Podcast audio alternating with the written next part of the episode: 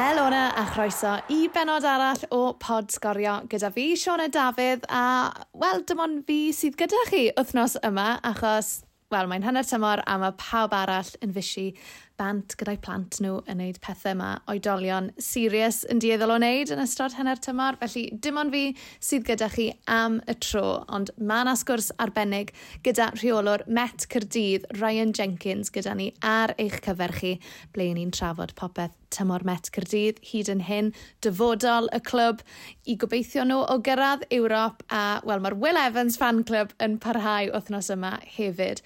Will yn amlwg yn gyn chwaraewr Met Cyrdydd. Yn nabod Ryan Jenkins yn dda iawn ac i ni'n cael chat bach am lwyddiant Will hyd yn hyn gyda Cas Newydd tymor yma.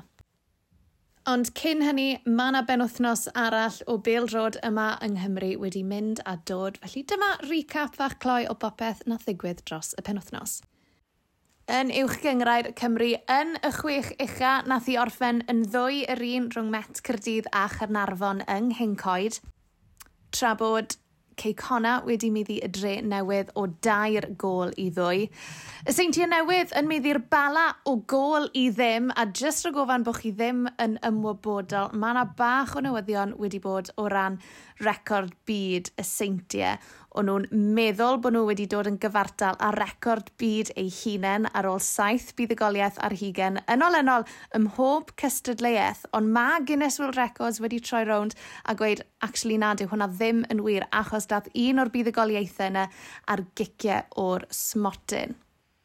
O ran y chwech isaf yn uwch gyngrair Cymru, mae pethau mor, mor dyn. Nath i orffen yn ddwy yr un rhwng Penabont a'r Bari. Lot o gardiau coch, actually, yn y chwech isaf. Penabont 2, y Bari 2. Gol gynta gyda llawi Aidan Lewis yn uwch gyngrair Cymru. Boi lleol o'r Bari. Oedd hi'n gol boblogaidd iawn gyda'r tîm. Pawb yn y Bari mor, mor falch drosto fe.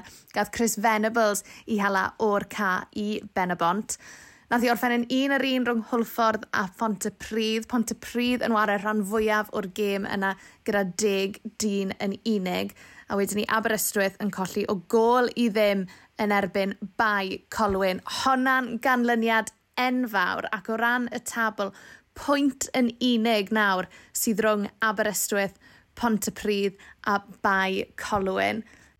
Prifadran Genero oedd na dipyn o ddrama. Dyma oedd y penwthnos olaf cyn yr hollt ac ein gêm fewn ni ar sgorio oedd Merched Aberystwyth yn erbyn y seintiau newydd a geithon ni ddrama ar goedlan y parc. Y seintiau newydd, newydd yn mynd ar y blaen o gol i ddim o fewn munudau agoriadol y gêm tîm ifanc Aberystwyth wedyn ni yn brwydro nôl. Eithon nhw dair gol i ddwy ar y blaen a wedyn ni y seintiau newydd yn unioni'r sgôr y munudau ola'r gêm i wneud hi'n dair yr un ond oedd pwynt yn ddigon i Aberystwyth sicrhau eu lle nhw yn y pedwar ucha. Oedd hi'n ddwy yr un rhwng Wrexham a Met Cyrdydd. Siom i Met Cyrdydd gan bod nhw'n mynd i fod yn chwarae i pildrod nhw yn yr hanner isa am y tro cynta eriod bu nhw'n cystadlu yn erbyn y seintiau newydd Pontypridd a'r Bari. Pontypridd yn colli unwaith eto yn y brif adran edrych yn debygol. Mae nhw fydd y clwb yn syrthio o'r gyngrair. Ond y newyddion mawr hefyd, Abertawe yn middi Cyrdydd a'r rhediad arbennig ddigiro yna oedd gan Cyrdydd yn dod i ben. O hwnna nawr yn golygu taw dim ond 5 pwynt sydd rhwng Cyrdydd ar y brig ac Abertawe yn ail. Felly mae'r ras am y bencampwriaeth yn mynd i fod yn un danllid rhwng nawr a diwedd y tymor. Oce, okay, chi wedi gwrando arno fi'n siarad am ddigon o amser erbyn nawr, felly dyma'r sgwrs ges i gyda brif hyfforddwr Met Cyrdydd, Ryan Jenkins.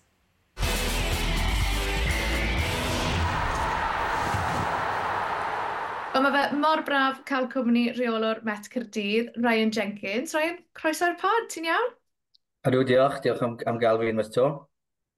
Reolwr Met Cyrdydd, ond hefyd yn ddirprwy brifathro, felly hanner tymor hapus i ti hefyd, Ryan. Siwr mae ti'n cael lot o breg dros hanner tymor neu dim, really? Na, ddim really. Mae ma treino dyn ni heno a mae dwy o'r blant. Mae ma nhw wedi bod yn sal dros nos hefyd. So, um, heb cael lot, lot o gwsg, mae bags dy fi o dan llyged a phob dim, ond uh, jyst rhan o bywyd na gwe. Ie, yeah, ti'n meddwl, ti'n meddwl mor yn sgwrs ni'n cael cymaint o weithiau dy reolwyr uwch gyngrau'r Cymru. Swyddi llawn amser, plant, teuluodd, hefyd yn goffod edrych ar ôl tîm yn uwch gyngrau'r Cymru, jyst fel, fel i ti'n ffindo'r amser i, i ffito popeth mewn uh, chi ddim chi jyst yn blaen ar eithi a weithiau mae ma fe'n um, bach o watch a game enhwyd yn y nos pan mae pawb yn y gwely a stuff fel yna, ond um, na, ni ddim yn neud e os, uh, os ni ddim moyn neud e, mae fel cyffil yn y gwet, mae mae ma wared i Sadwrn, mae fe'n rhywbeth special ac um, rhywbeth mae rhaid wneud um, yn ein tŷ ni, achos ni'n ni, teulu sydd yn, yn dwylio chwaraeon ac um, heb hynny, ni ddim yn, ni ddim yn gweithredu'n iawn ty beth, so um, mae'r ffix na yn, yn rhywbeth bwysig i ni wedi Sadwrn. Be sy'n credu sy'n wa, disgyblion yn yr ysgol neu wneud yn siŵr bod y chwaraewyr yn beihafio yn Mesgyrdydd? uh, ah, Wel, ambell waith, mae'r un, mor, um, un peth yn wir yn ysgol ac um, ar, ar boes i fod yn onest, ond um, na, fi'n fi doli ar yr ups, fi'n doli ar y downs hefyd ac yn just treol reoli pethau fel bod ni'n um, jyst yn cael amser da mwyn na, mwy na dim byd. Ni'n rhoi lan lot o amser ni i, i fod yn yn rhan o'r, or gangled yma ac heb mwynhad, does dim pwynt wneud e. So, uh, the ups and the downs, mae'r ma, ma, ma, ma, ma, ma, ma, ma, ma, ma, ma, ma, Ie, yeah, mae'n rhaid i fi mae'n amlwg bod ti'n un sy'n really, really joio dy waith y Met Cyrdydd. A fi jyst mae'n gofyn, ti'n o ble dath um, y diddordeb o moyn hyfforddi peldro, twyd oedd e'n rhywbeth pan o ti'n ware, pan o ti'n ifanc, neu rhywbeth na datblygu wrth i ti fynd yn hen? Um, o'n i wastad yn, yn rhywun oedd yn sort of astudio'r gêm fel chwaraewr hefyd. O'n i'n chwaraewr oedd yn eitha technegol ac yn licor ochr um, tactegol o'r, or gemau. Ac um, o'n i'n deall y gêm, o'n i'n, o'n i'n dod i weld rygbi a ffo, ffo chwaraeon arall, ac um, o'n i'n just gyda rhyw fath o diddordeb yn, yn unrhyw chwaraeon, ac yn just deall gêmau a gallu wario nhw hefyd. Ddim o safon arbennig gyda am, am mhob peth, ond just yn deall a gallu wario fe.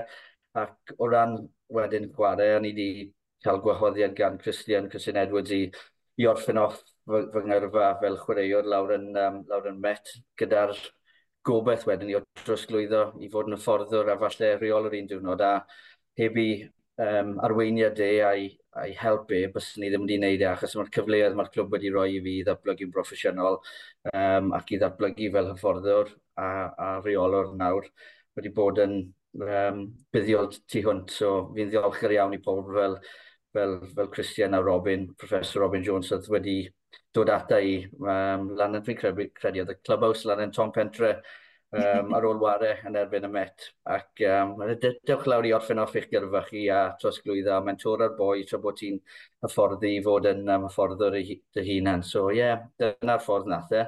A fi jyst i mwynhau. Um, dwi e ddim yr un mor sort of, um, ddim yr un ffix o warau, ddim mm. o hmm. gwbl, ond um, chi'n cael rhyw fath o mwynhad a rhyw, rhyw ffix arall, ond um, yeah, na'r ffordd ddech chi mewn i fforddi a reoli. Ie, yeah, fi'n siŵr bod y dig, actually, ble ti just mae'n bod nôl mas ar y cana. E. Yn wedi gwella os yw pethau ddim yn, ddim yn mynd yn dda iawn yn ystod y gêm, ti'n siŵr bod yn meddwl, o, a fi ôl y mwt mwtsi nawr. Ie, yeah, mae'n ma anodd weithio i cael y reolaeth na, a, a falle bod y rai o'r cefnogwyr sy'n sefyll yn agos i'r um, i'r fanc lle ni'n sefyll ac yn gweiddi, just yr angerdd yw e, i trial newid rhywbeth pan mae pethau ddim yn mynd o, o, o to, mynd, mynd mor gywir a ni gallu. Ac um, fel y ffordd, mae rhaid ti just sort of, roi'r trust yn y chwaraewyr i, i, i newid, newid hwnna, bod chi'n newid pethau, a'r diwylliant chi gallu cael effaith arno, a diwylliant ar, ar y cae marfer a, a a stwff sydd ddim yn digwydd ar y disadwn. Chi'n pigo'r tîmau e, a wedyn y boi sydd yn wario gêm, a dyna beth sy'n anodd weithiau i, i gofio dwy blynedd di bod nawr ers i ti cael, wel, ers i ti bod yn brif reolwr y Met Cyrdydd, be ti'n credu ti di, yw'r peth ti wedi dysgu mwyaf ers bod yn y rôl? Wythnos i wythnos, beth yr un peth. Uh, Mae yna heriau sydd yn codi. Um, chi byth falle yn, yn, yn ragweld. A fel, fel reolwr, mae rhaid chi trial cael effaith ar bawb a phopeth a chi'n trial um, hyfforddi neu jyst y chwaraewyr o'n staff o'ch gwmpas chi.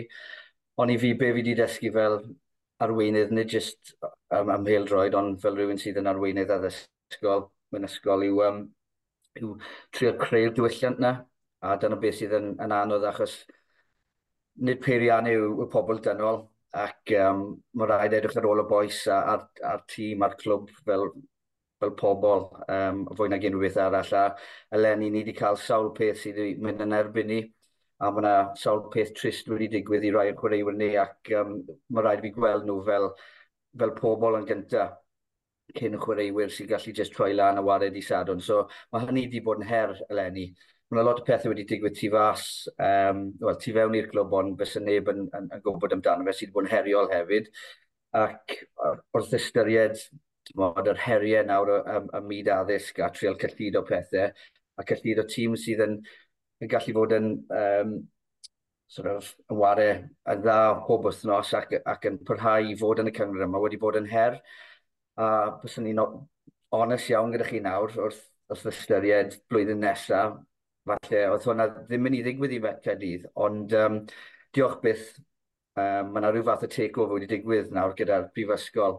ac um, mae pobl fel y deon yn y, yn y, yn y, prifysgol, um, Katie Thirlaway a mae Ben, ben y Connell a Ollie Too Good a maen nhw wedi cymryd dros y brif, y, y, y, y Clwb Pildrod, so mae'r dyfodol yn disglair um, am, am unwaith, achos o'n i yn pryderu ar ddechrau tymor un, ac um, mae rhaid fi weid, mae rhaid fi roi clod i'r chwaraewyr, achos popeth sydd wedi mynd ymlaen, maen nhw jyst i troi lan i sadwn, troi lan nos, nos lu, nos iau, ac gyfforddi ac yn ymarfer yn galed, gyda'r gobaith o'n i'n sort of cyrraedd Ewrop a, a falle cael dyfodol, ond ar un adeg falle o'n i'n mynd i stryglo. Ond um, na, mae'n amser cyffroes iawn i fod yn, yn rhan o, o Met Cyrdydd i fod yn onest. A fel rhywun sy'n cael y cyfrifoldeb i trial arwain hwnna, fel um, ffordd o'r tîm, tîm, tîm cyntraf neu reolwr tîm cyntraf o'n yn edrych ymlaen ac o'n hyderus iawn bydd dyfodol disglair gyda'r clwb hefyd. Na, fi mor falch i glywed bod chi'n teimlo mor, mor positif am y dyfodol, achos ie, yeah, mae fe'n anodd weithiau efo'r clybiau pil drod, mae cymaint yn mynd mlaen tu ôl y llenni, a fe wedys i lot o'r amser, mae ma lot o bobl ddim yn ymwybodol o'r o'r ins and out a'r um, well, y gwleidyddiaeth o bosib sy'n mynd tu ôl y llenni. Ond fel nes ti sôn, y ffaith bod y chwaraewyr tymor yma wedi stico at i gilydd, i ffocysu ar bopeth ar y cae, chi'n y chwech eich am yr ail dymor yn olynol hefyd. Mae rai bod ti'n blazed iawn gyda ble i chi fel tîm ar hyn o bryd? O'n hynod prawd o'r boys. Dim ots os ni'n ennill colli neu cael gêm gyfartal. Maen nhw wastad yn tre god y glas dros y clwb. Ac chi'n edrych ar y bythod, mae'n gweud i lwydd o rhaid chwarae. A yn Saesneg i'r boi sydd ddim yn siarad Cymraeg, you play, you win. Os chi'n rhoi yr ymdrech i fewn, gewch chi bob cyfle i ennill. A dyna beth yw ein mantra ni, a dyna beth ni'n trial um, creu yn y clwb yw bod, bod pobl yn, yn tre god y glas ym mhob agwedd o'i bywydau.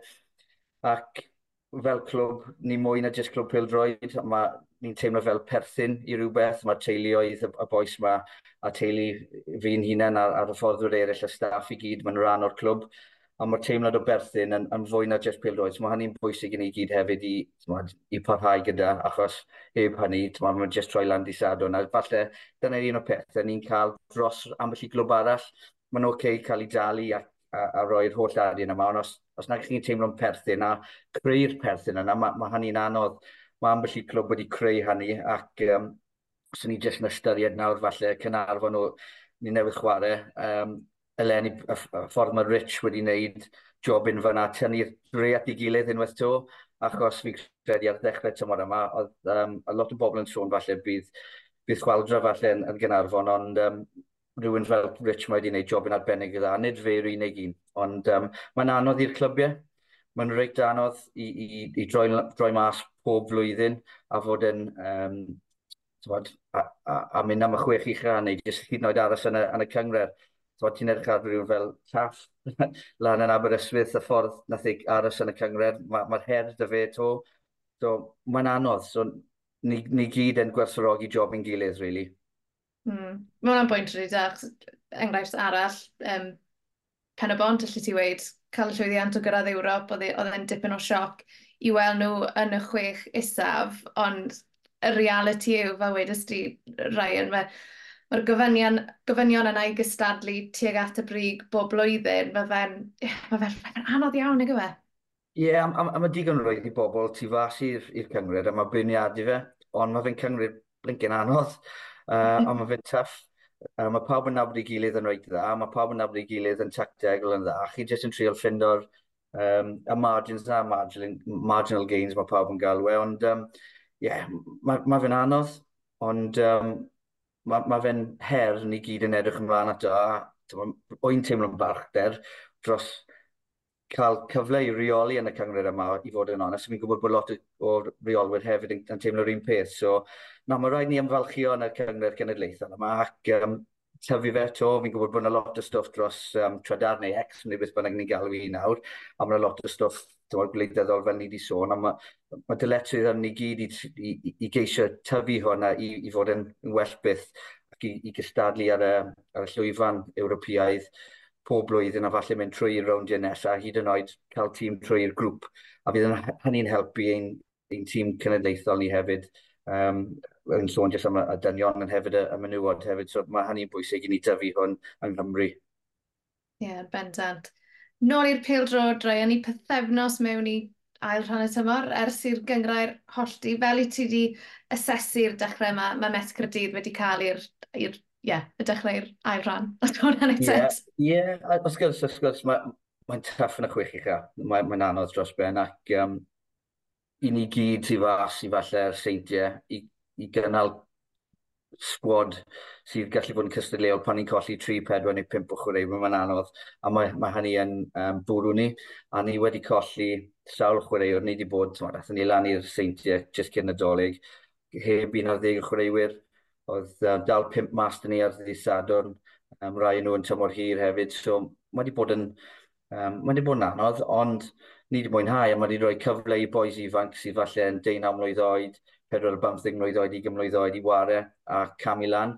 A fel clwb, dyna ein, ein swyddogaeth ni yw treol creu a dyblygu chwaraewyr yna. Dim yr, yr adnoddau gyda ni i allu mynd mas a, a, a talu rhywun, neu tynnu rhywun i fewn i, i, i fod yn Um, Emlyn, new, e, Emlyn Lewis newydd, ein job ni i dyblygu Emlyn Lewis newydd, neu dyblygu Will Evans, neu Adam Roscoe, neu, neu, neu person nesaf. So, ie, yeah, dyna, dyna un o'r swyddogaethau e, fwy pwysig sydd â fi hefyd. Ie, yeah, esbonio i ni, actually, achos mae'r... O'n i'n siarad yn y swyddfa pwy ddyn nhw nicknames clybiau uwch gyngrair Cymru, a mae pawb os yn galw mes Cyrdydd y myfyrwyr, ond erbyn nawr, mae lot o'n nhw ddim yn fyfyrwyr erbyn nawr, ond dyfa hwnna yw dal y brif system, o sori, os mae hwn yn gwestiwn twp, dyfa e hwnna yw dal y brif system defnyddio myfyrwyr sy'n dod i'r brifysgol neu i chi'n edrych tu fas i'r brifysgol hefyd? Ie, yeah, wel, ein sort of um, egwyddorion a, a ein, ein, ein rheol ni yw hynny, a ni'n neud i, i, er mwyn cynnal y diwylliant na, um, a sicrhau bod ni'n teimlo perthyn i'r clwb.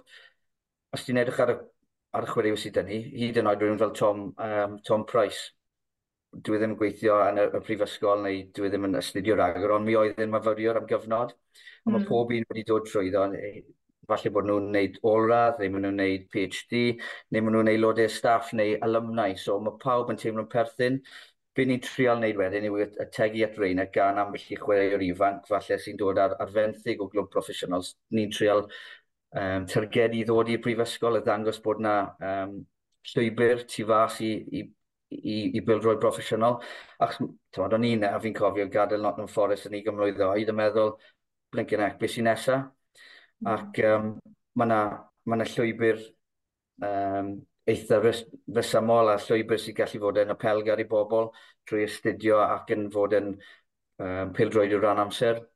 A ni'n trial cynnal um, y safonau yna fel bod chi'n cael yn y, yn y clybiau llawn amser broffesiynol yma. Dyna beth ni'n trio wneud yn brifysgol. So, yn reol ni yw, er bod ni moyn cadw at yna gymaint y gallu ni, um, wrth gwrs mae egwyddorion yn gallu atal chi hefyd, so mae rhaid i ni sicrhau bod ein egwyddorion ni yn caniatau ni dyfu. So falle, dymod, ni moyn cadw at fe mor, mor uh, tynnag sy'n bosib, ond dan reolaeth newydd, falle, newn ni symud Um, I ffordd oedd e ddim yn siŵr yn, um, i fod yn onest, ond nawn ni trio'n gorau glas i cynnal diwylliant na. Yn edrych mlaen at weddill y tymor, Ryan, fi'n gwybod mae Gym Cwpan Cymru ddod penwthnos yma, nawn ni trafod hwnna yn y man, ond beth yw'r nod ar hyn o bryd chi dau bwynt tu ôl i'r bala, wyth gêm i fynd, i chi wedi sôn am y gair sy'n dechrau gyda E eto? fel pob reolwr arall y, gêm nesaf, y gêm nesaf, ond um, ni yn y chwech ucha er mwyn cystadlu ar gyfer Ewrop, a dyna beth ni moyn trial wneud. Mae yna cyfle dyn ni fan hyn i gorffen yn drydydd, mae cyfle trwy'r gemau ail, ail gyfle, a cyfle trwy'r um, Cwpan Cymru. So, mae yna tri gyfle i ni i, i ceisio mentro am um, beth ni moyn, really. a fysa cyrraedd Ewrop yn sicrhau bod ni'n cael dyfodol um, disglair iawn yn, yn y dyfodol agos a caniatau ni achos does dim um, yr adnoddau ariannol i ni jyst fynd math i, i, i wneud hynny ond bydd yn helpu ni'n fawr iawn. So wrth gwrs ni moyn cyrraedd Ewrop fel bod pob pawb arall hyd yn oed rhain o'r pen y bont, y bari hyd yn oed um, ar hwyl ffordd. So ie, yeah, ni moyn cyrraedd Ewrop ond gawn ni weld un gêm ar y tro, Cyr o bai colwyn nawr di sadwn a falle ewn ni o fyna. Ie, yeah, Cwpan Cymru rownd yr oeth ola, chi'n croesawu Bai Colwyn lawr i gyn coed. Pa fath o gêm i chi'n disgwyl, achos yn amlwg Bai Colwyn ddim yn cael y tymor gorau, ond yw e'n potential banana skin, fel maen nhw'n gweud? Wel, maen nhw'n cael cyfle i, um, i ysgoi'r cyngred am chydig bach a tynnu sylu ffwrdd o hynna a jyst fyddhau bach o'r gwasgedd. A bydd Steve Evans, fi'n gwybod bod yn dyn caled, a bydd y, y, y, y tîm yn, yn chwarae fel mae Steve Moyn nhw i wario ac yn gorfforol cryf, bydd um, cefnogwyr yn dod lawr gyda nhw i, i gefnogi a mae'r clwb yn un ffantastig sydd wedi ategu, wir wedi ategu at y cyngred ac ar y cysadlaeth yma. So ni'n edrych ymlaen at hwn, mae'r ma, gêm yn mynd i fod yn un anodd i ni. Ond ie, um, yeah, gawn ni weld, nawn ni paratoi'n gorau glas gan ddechrau heno i sicrhau bod ni'n cael pob cyfle i fynd trwy'r uh, rownd i gynderfynol. Rwy'n cyn i fi adael ti fewn, mae doi beth fi mae'n sôn amdano. Gynt ag i, mae rai fi ofyn ti am Will Evans, achos, oh my gosh, y tymor mae fe'n cael yng nghas newydd ar hyn o bryd yn amlwg yn gyn chwaraewr Met Cyrdydd. Pawb di gweld yn sgorio'r gol na yn erbyn Manchester United yn yr FA Cup. Just pa mor brod i ti, i chi fel clwb yn gweld wel, o'n i'n gweld ar Instagram bod Elliot Evans a'r chwaraewyr i gyd yn Rodney Parade yn gwylio'r gêm. Mae fe'n ma fe stori mor mor arbennig, na gyfe? Ie, yeah, mae fe'n boi ffantastig. Um, mae'n cynrychioli i hunan, i deulu, a'r clybu mae wedi cynrychioli tymad y bala ni hefyd, a i glywed enwer bala a, a merca dydd ar Match of the Day yn, yn fyw. Um, er bod Gary Linke wedi galw ni'n Farmers League. Um, um, yeah, well, well. Um, yeah, mae wedi gwneud yn briliant. A digwydd bod, mae wedi gwahodd fi lan i'r campus nawr. Mae'n gwneud rhyw podlediad lan ar, ar y campus a ni'n mynd i cwrdd am goffi am hanner wedi tri nawr, so na'r fath oh, o boi mae fe'n ma fe, ma fe briliant.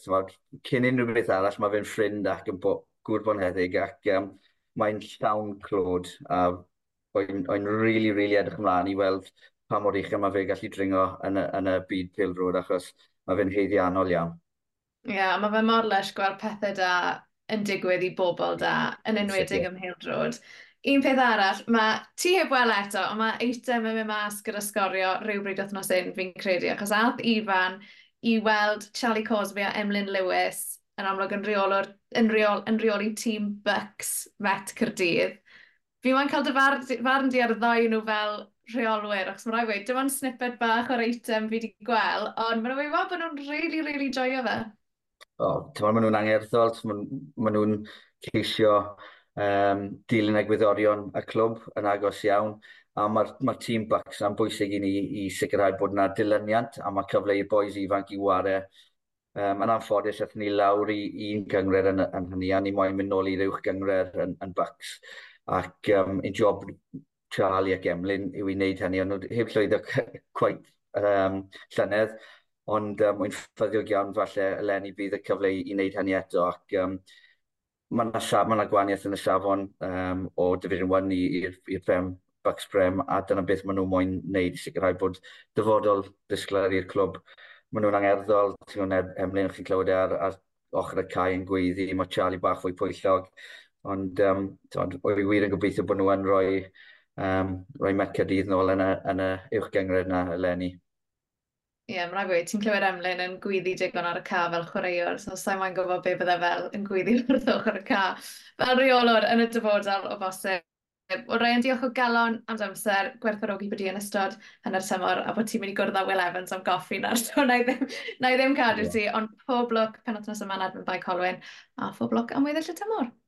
Diolch Sioned, diolch am y sgwrs. Cymru fel.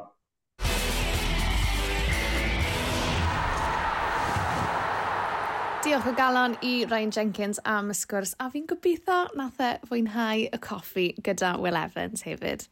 Wel fel wnaethon ni sôn yn y sgwrs, mae'n benwthnos Cwpan Cymru. Rownd yr wyth olaf, Met Cyrdydd yn croesawu bai Colwyn i gyn coed am ddoi o'r gloch dydd sadon. O ran y gemau eraill, mae yna bedair gêm wrth gwrs penwthnos yma ac ni'n dechrau nos Wener pan fydd Llan Sawel yn croesawu'r seintiau newydd gyda'r gig gyntaf am gwarter i wyth nos Wener. Y gêm fyw ar sgorio y bala yn erbyn mynydd y Flint. Mynydd y Flint o'r drydedd hain yma yng Nghymru am yr gêm yna'n fyw ar S4C gyda'r gig gyntaf am gwarter i un ddydd sadwrn. A mae bwcle yn wynebu Ceicon am honna am ddau o'r gloch dydd sadwrn. Felly cewn i weld pwy fydd yn cyrraedd rownd gynderfynol Gwban Cymru ar ôl y penwthnos. O, fi'n joio Cwpan Cymru, mae fe'n gymaint o uchafbwynt pob tymor. A dyna ni, diolch yn fawr am gadw cwmni i fi tra bod fi fan hyn ar ben yn unan yn recordio'r pod. Gobeithio bod chi wedi mwynhau gwrando, gobeithio bod chi wedi mwynhau'r sgwrs gyda Ryan Jenkins. Ac fi fyddai nôl gyda Ifan fel arfer wythnos nesaf. Ond am y tro, diolch o galon am wrando. Ta-ta!